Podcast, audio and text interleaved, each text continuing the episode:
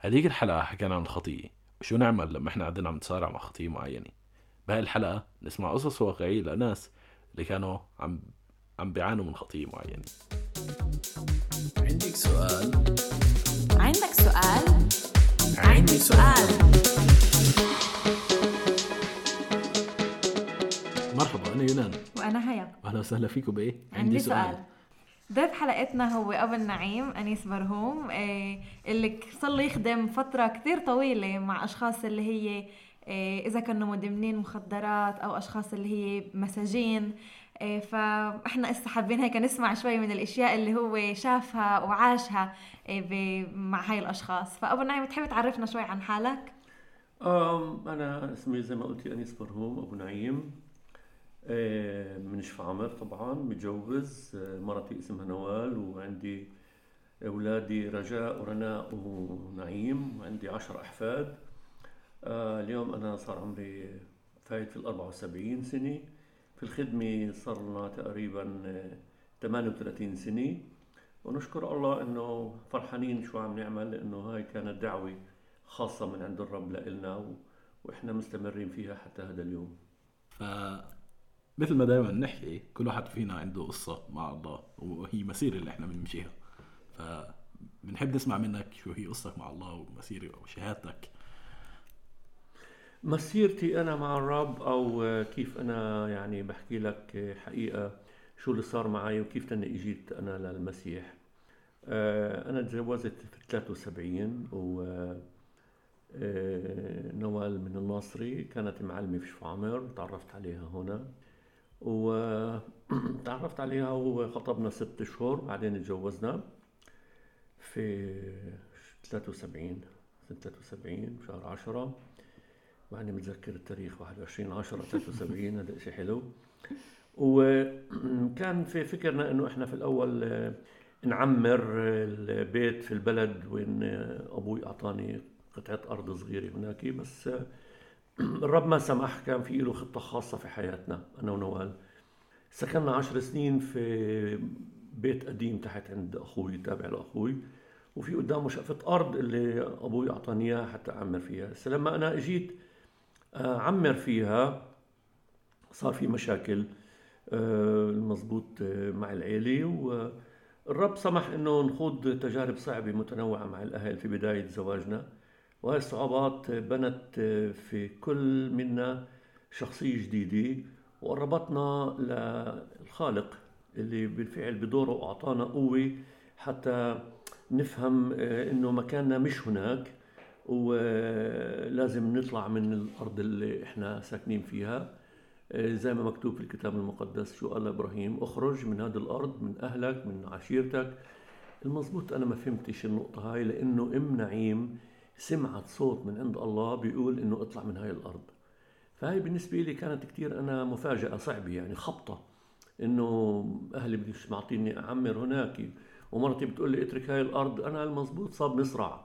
ففتت في عصبني وما عدتش أعرف كيف أتصرف في حياتي. شوي بديت إنه آه، يعني فكرت إنه نوع من المشروب يأثر ينسيني الموضوع ولكن هذا كان غلط طبعا. ما ما أدمنت لا سمح الله على المشروب بس فكرت إنه لما بشرب شوية آه، عرق أو شوية بيرة بفكر إني أنسى المشكلة بس هذا غلط كان كان غلط كبير بس أنا لما سألت مرتي نعيم إنه يعني كيف سمعتي هذا الصوت؟ قالت لي الله سمعني هذا الصوت إنه لازم أترك البيت لازم أترك الأرض هنا طب وين بدنا نروح؟ بنعرف شو بدنا نروح فكانت زي ما قلت لك صدمة ولكن من بعد هذه الصدمة فهمت إنه الله معطينا أو محضرنا خطة تانية إنه بالفعل لازم يترك. لأنه قالت له يا ربي لما أنت بتعطيني أطلع من هذا الأرض وأعطيني بيت تاني أسكن فيه أو أرض تاني أنا مكرسي هذا البيت لإلك. هسه هون أنا ما فهمتش إيش مكرسي هذا البيت لإله. فهمته من بعد عشر سنين.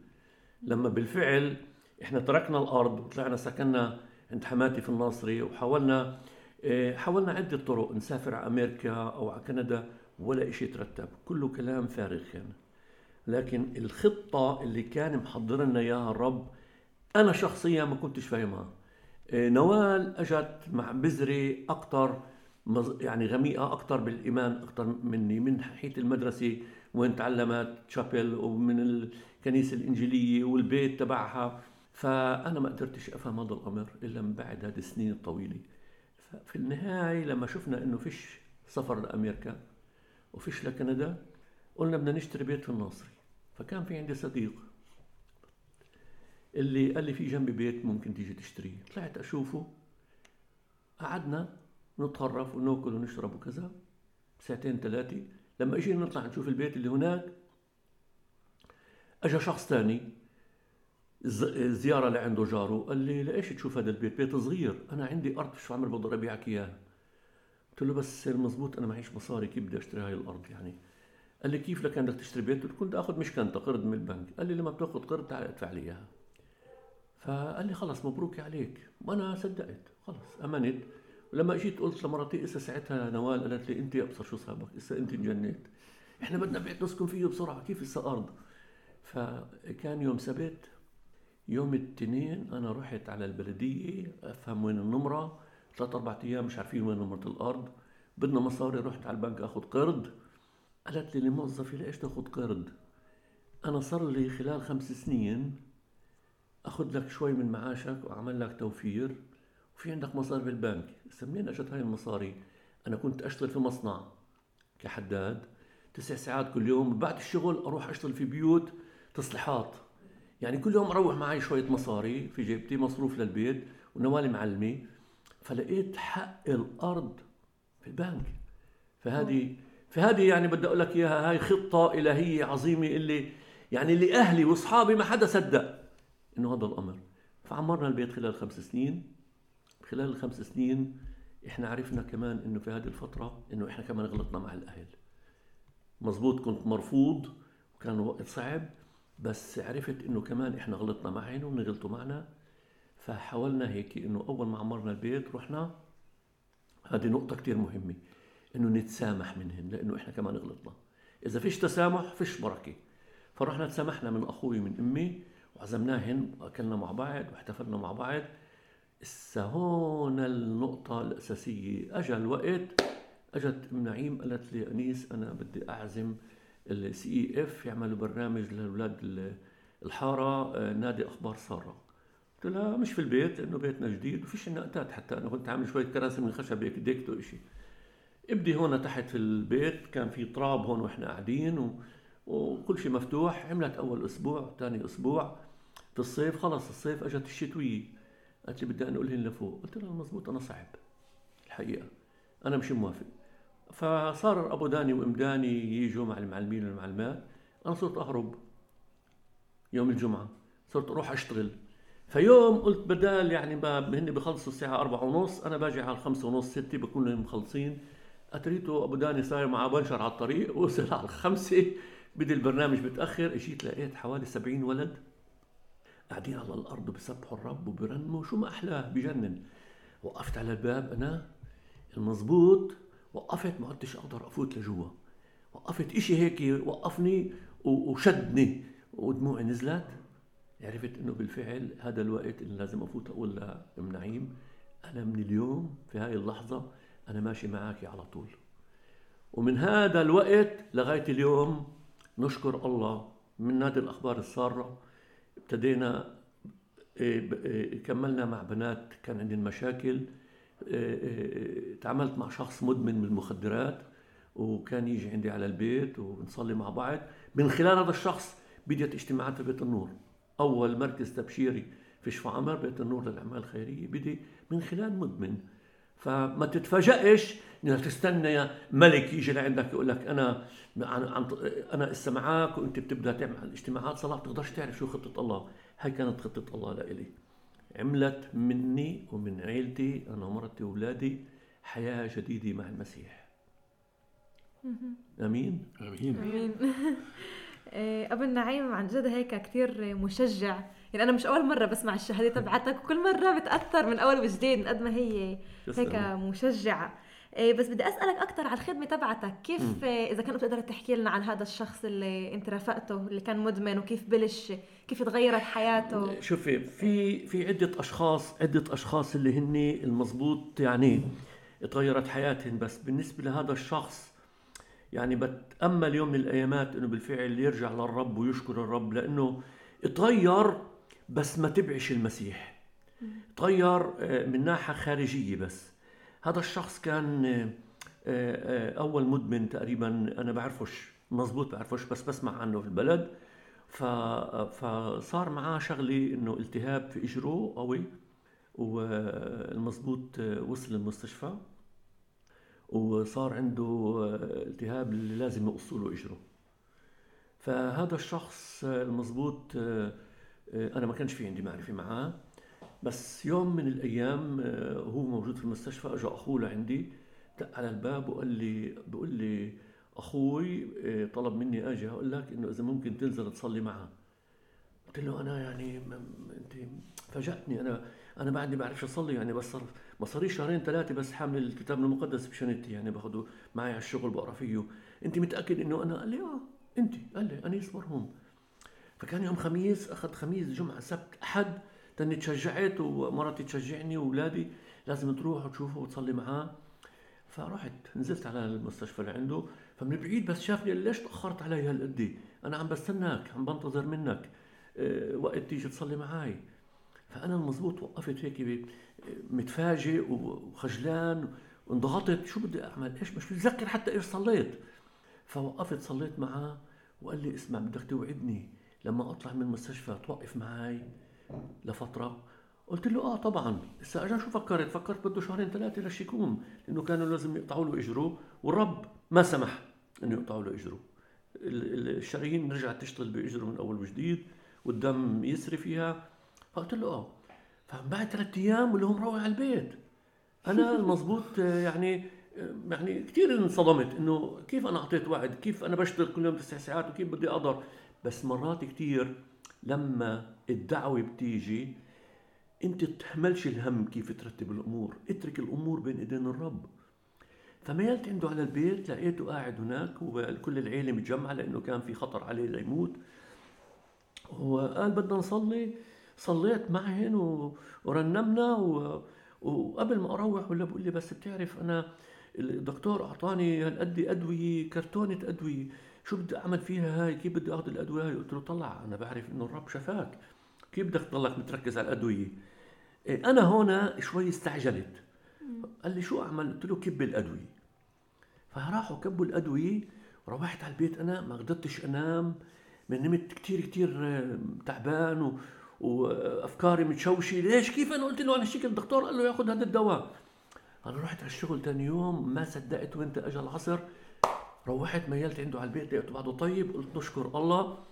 أنا كثير مبسوط. هسا أنا بديت معاه هذا الشخص سنة وثمان أشهر ملتزم يوميا بعد الشغل يوميا عنده أو عندي وجمعة سبت أحد تقريبا كمان آخذ يوم فرصة آه، نصلي مع بعض نيجي على البيت نطلع.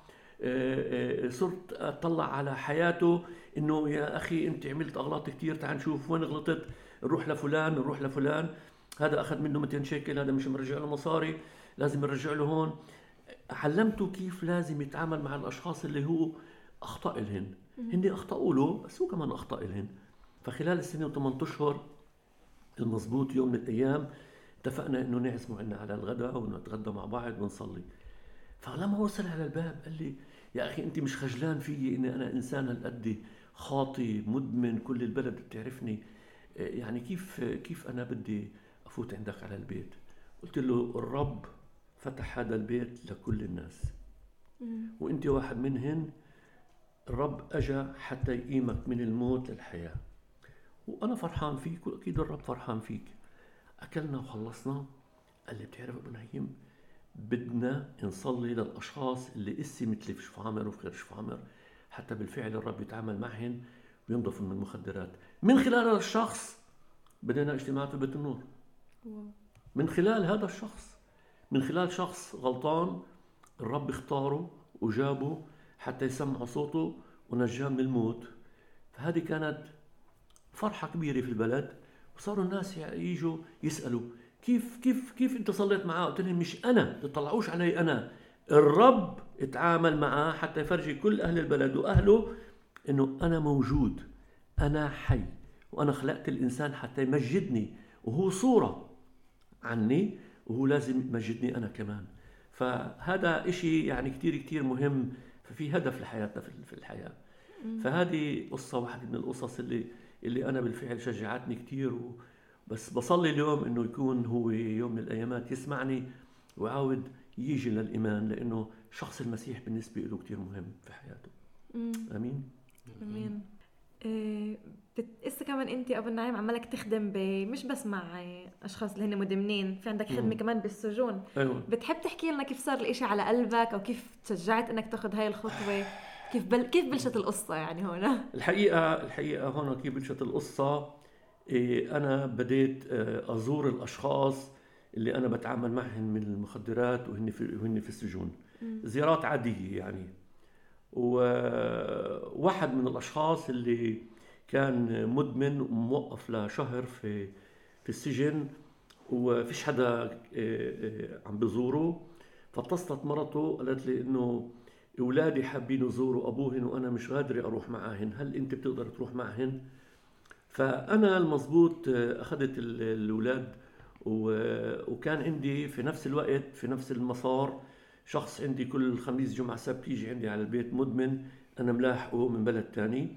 فقلت له شو رأيك تيجي معي نزور هذا الشخص في السجن؟ فلما أخذنا الأولاد ورحنا وفتنا وشفت ال ال كيف مسكر عليه آه، ورا القضبان وكيف مد حتى بيقدرش يطلع كان كل إيده يسلم على بنته اصبع من من من أصابع إيديه. أول إشي الشخص اللي معي المدمن صار يبكي. قال لي أنا بصلي إنه ولا مرة أصلى هون أبو نعيم. والشخص هذا بلش يشكرني إنه قديش أنت يعني كنت هالقد عندك شجاعة تجيب أولادي وأنا بشكرك ويا ريت تيجي مرة ثانية تزورني. والحقيقة من خلاله من خلاله هذا الشخص لما طلع حاولنا نساعده إنه يترك المخدرات. ترك فترة وعاود رجع ولكن اليوم نشكر الله نشكر الله. أنا بقدر أقول إنه هذا الشخص ماشي مع الرب. وناجح في حياته مع مرته وأولاده وبروحوا بيصلوا ويعني هن تابعين لمجموعة صلاة كمان هو مرته وأولاده. مش كل أولاده ولكن أغلبهن. فأنا بشكر الله من خلال هذا الشخص اللي فتح عيني على خدمة السجون. فكان في قبلي شخص اسمه سهير رمضان الأسيس سهير رمضان انتقل اللي كنت أنا أروح على طرعان وأصلي في طرعان في الكنيسة المعمدانية هو بيكون جوز عمتها لمرتي وكان دائما أسمع منه أخذ بالسجون. فسألته مرة بقدرش أروح معك مرة؟ قال لي ممنوع بعطوش تصريح. فلأسباب معينة ترك الخدمة لسنتين ثلاثة وأنا كملت أزور أشخاص اللي بعرفهم فيوم كنت في مؤتمر في القدس في كنيسة معينة وأجا شخص الاسيس سألني قال لي سمعت إنه أنت بتزور المساجين شو رأيك إنك تأخذ هاي الخدمة؟ قلت له إيش أخذها يعني؟ بدي أنا أصلي إنه أشوف إذا بقدر أخذها. قال لي ما أنت عم تعمل هذا الشيء يعني. وإحنا بنقدر نساعدك إنه نحصل لك تصريح. قلت له إذا بتعمل لي تصريح أنا بكون ممنونك الحقيقة. فالتصريح الأول كان بس ل ل ل يعني محدد ل لطائفه طائفة البروتستانت أو اللاتين أو الكاثوليك يعني. يعني مش مش لكل المسيحيين. قلت له أنا لا بحب إني أكون لكل شخص موجود في السجن مسيحي مسجل مسيحي. فكان آه، سنة 99 هذا الحكي. فعمل لي تسريح قلت له بحب أكون كمان تسريح لمرتي أساس تكون معي لأنه في مرات أشخاص متزوجين وحلو إنه نحكي معهم كأب وكأم أو كأفراد عزبية. فمن خلال هذا التصريح التنين قدرنا نوصل لخمس تصاريح اللي هن يعني كفوعيم آه، آه، زي ما بيقولوا يعني ثابتين. ثابتين. ثابتين لكل سنين ل 25 سجن في إسرائيل. توسعت الخدمة. آه، صرنا عيد الميلاد نروح نعمل برامج وترانيم ونعطي هدايا وكتب مقدسة. وصلنا ل 25 سجن في إسرائيل مع 13 لغة في الكتاب المقدس. فهذا يعني المضبوط هذا كان إنجاز الهي عظيم اللي يعني اللي هو رتب هذا الأمر مش أنا. آه؟ ولحد هسه إحنا مستمرين في هذا في هذا الأمر وبنصلي إنه هسه الكورونا تخلص ونرجع نعاود آه نخدم مرة ثانية وجه لوجه في, في السجون. هيك بدينا الخدمة. وطبعا في معي كمان خادم بالروسي وبالإنجليزي وعربي وعبراني. ونشكر الله الكلمة بتوصل لأغلب السجون في إسرائيل تقريبا. آه، وأكيد مع هيك خدمة بي- بيجي كثير تحديات و آه تحديات. وأنت قلت عن واحدة من التحديات مرات آه، عن تصريح كيف إنه هسه صار في أعطوك تصريح وهيك.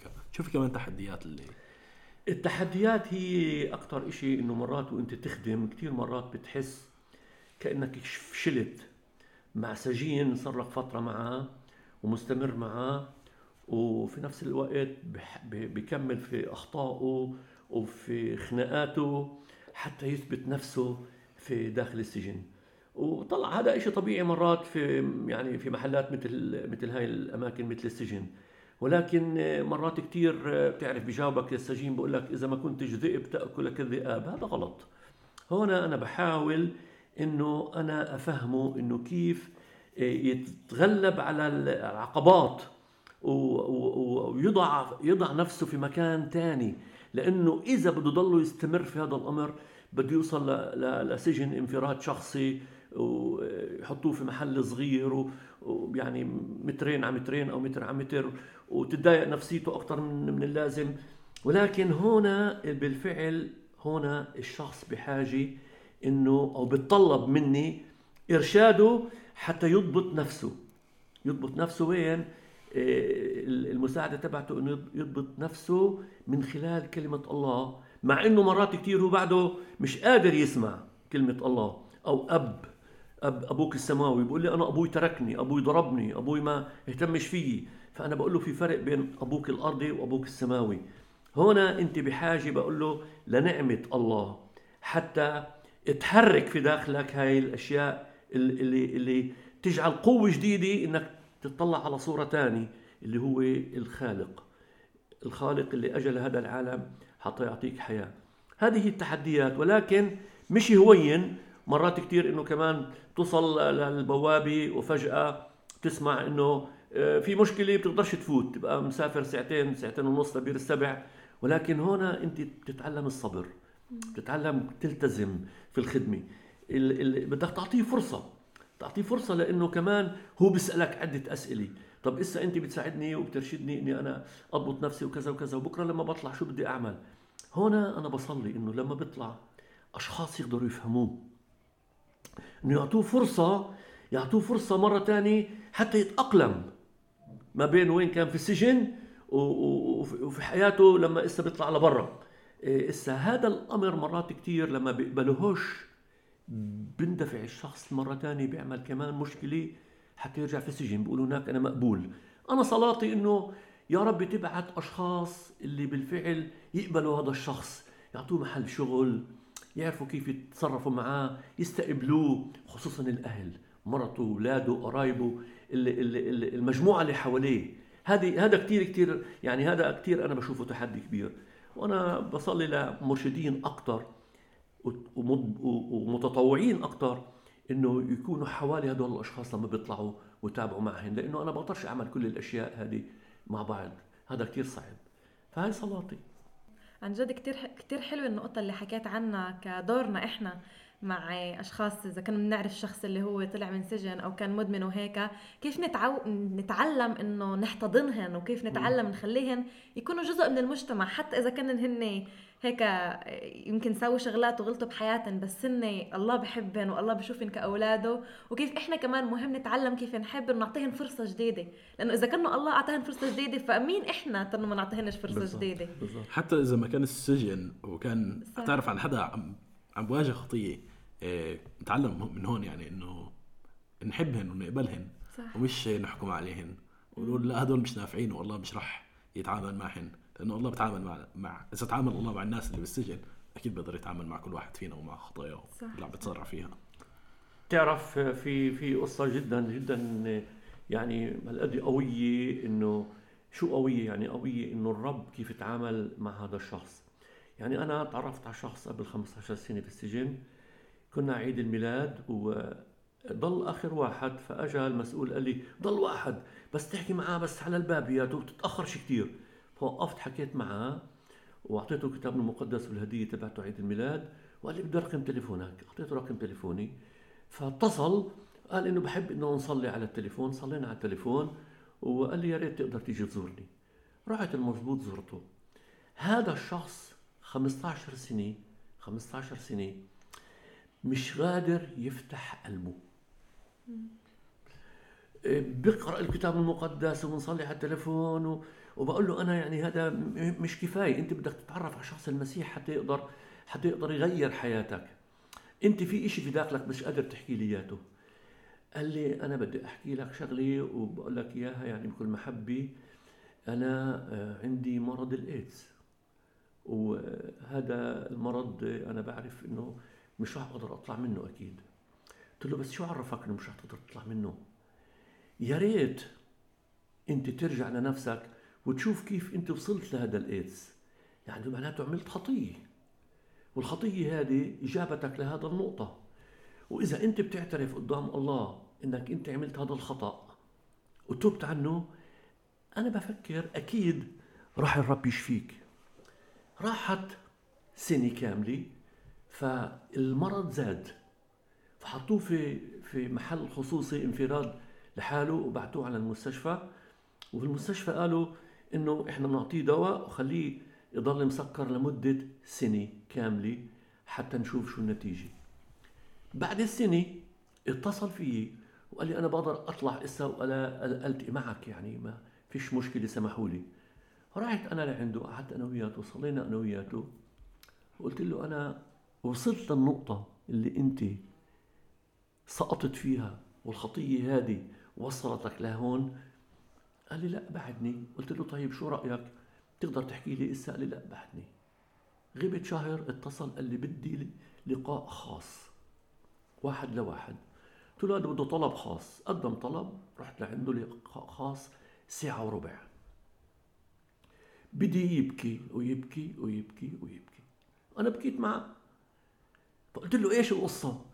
قال لي أنيس إسا أنا بدي أعترف لك أنا غلطت. أنا كنت متجوز وعندي بنت ورحت على البار أشرب وغلطت مع إنسانة اللي هي بالفعل أخذت منها الإيدز. ومن بعد بشهرين كمان غلطت مع كمان إنسانة ومرق الإيدز لإلها. وأنا إسا عم بتوب وعم ببكي وبقول له يا رب كيف بدك تسامحني؟ قلت له بدك تصلي وتخضع للرب بدك تركع وتصوم. بدك تصوم. بدك تصوم وتقول له يا ربي أنا هذا صيامي عن الخطية اللي أنا مرقت فيها. وأعطيه كلام من قلبك. سلمه حياتك بالكامل. خلال السنتين الأخرانيات تقرير طبي كان إنه هو نظيف من الإيدز.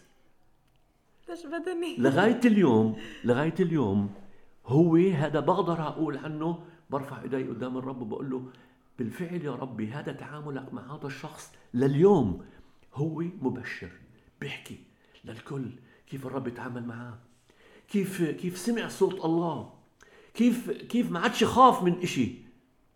وكل مرة على التليفون بتصل بيسأل أسئلة اللي بده أكتر وأكتر يعرف عن عمق أكتر في المسيح كيف يكون بالفعل تلميذ لإله.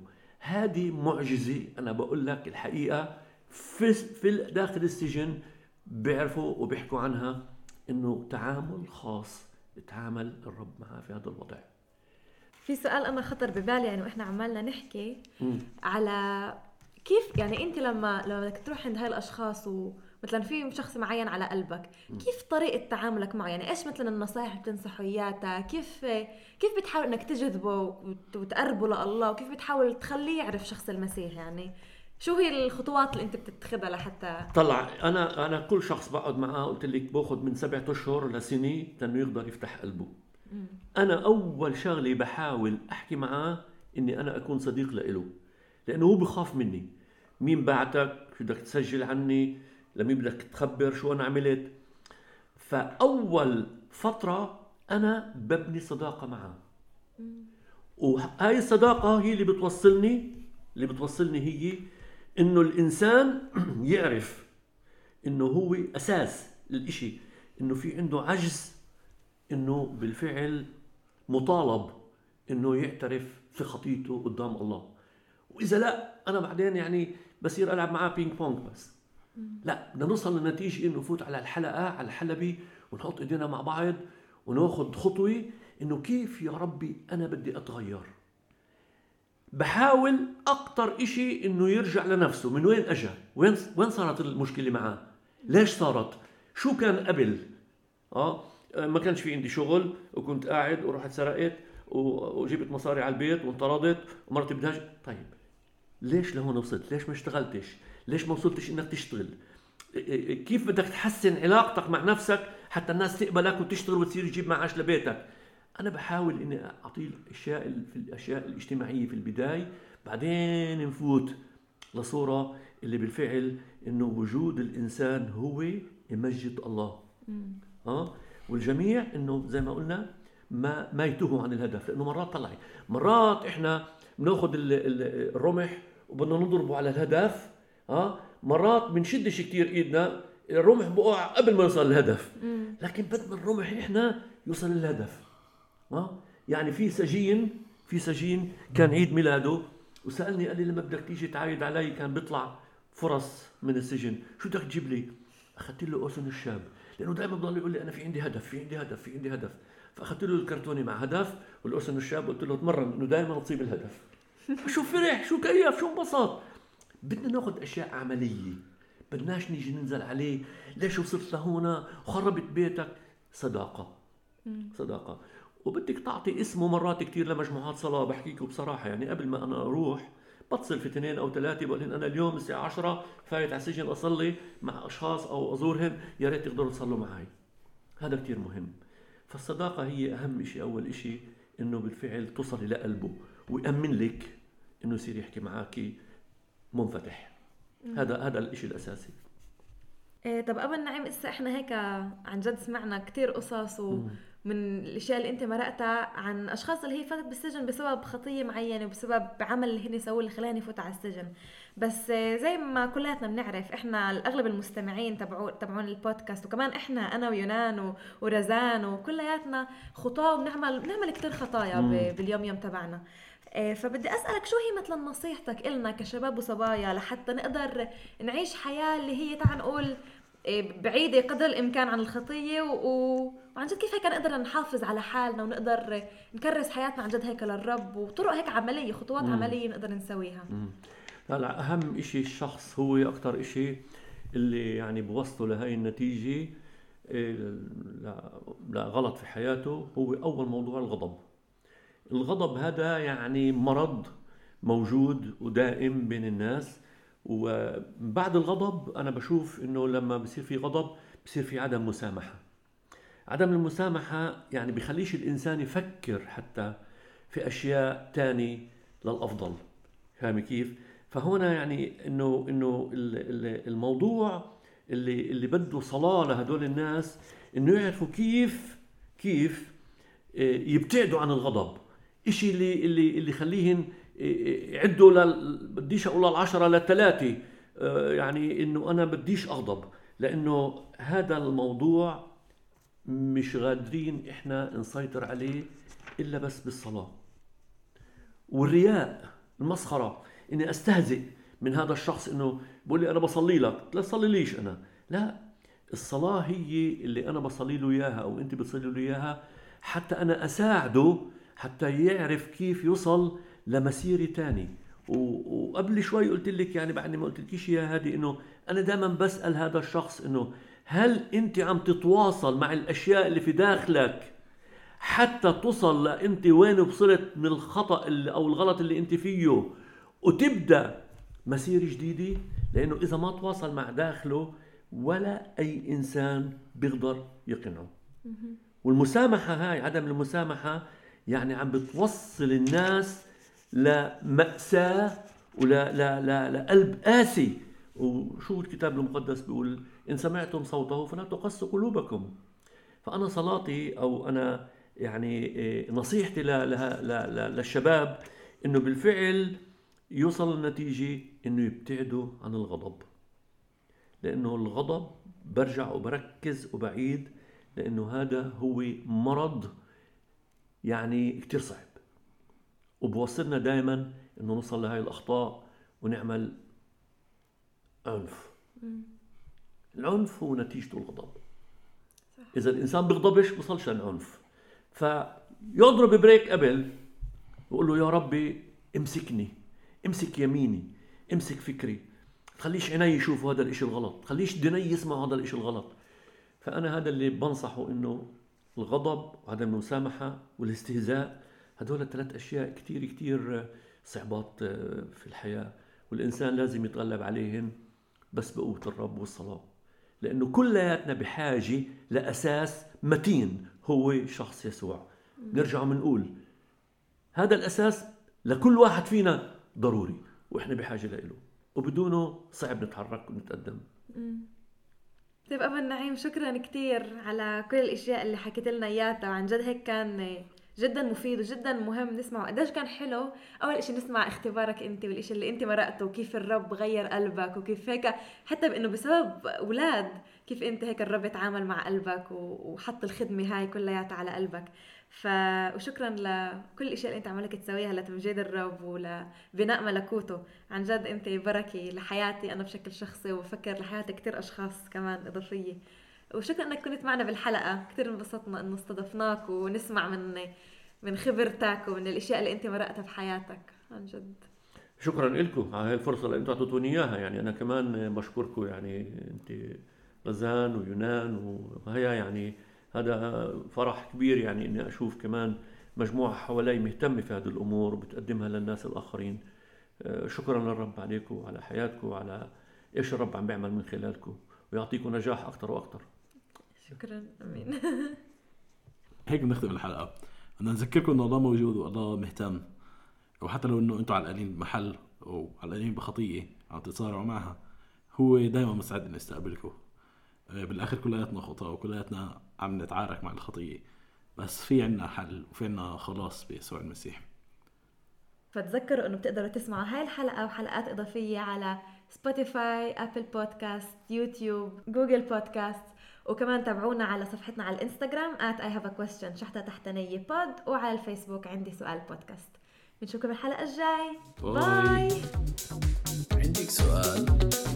عندك سؤال؟ عندي سؤال.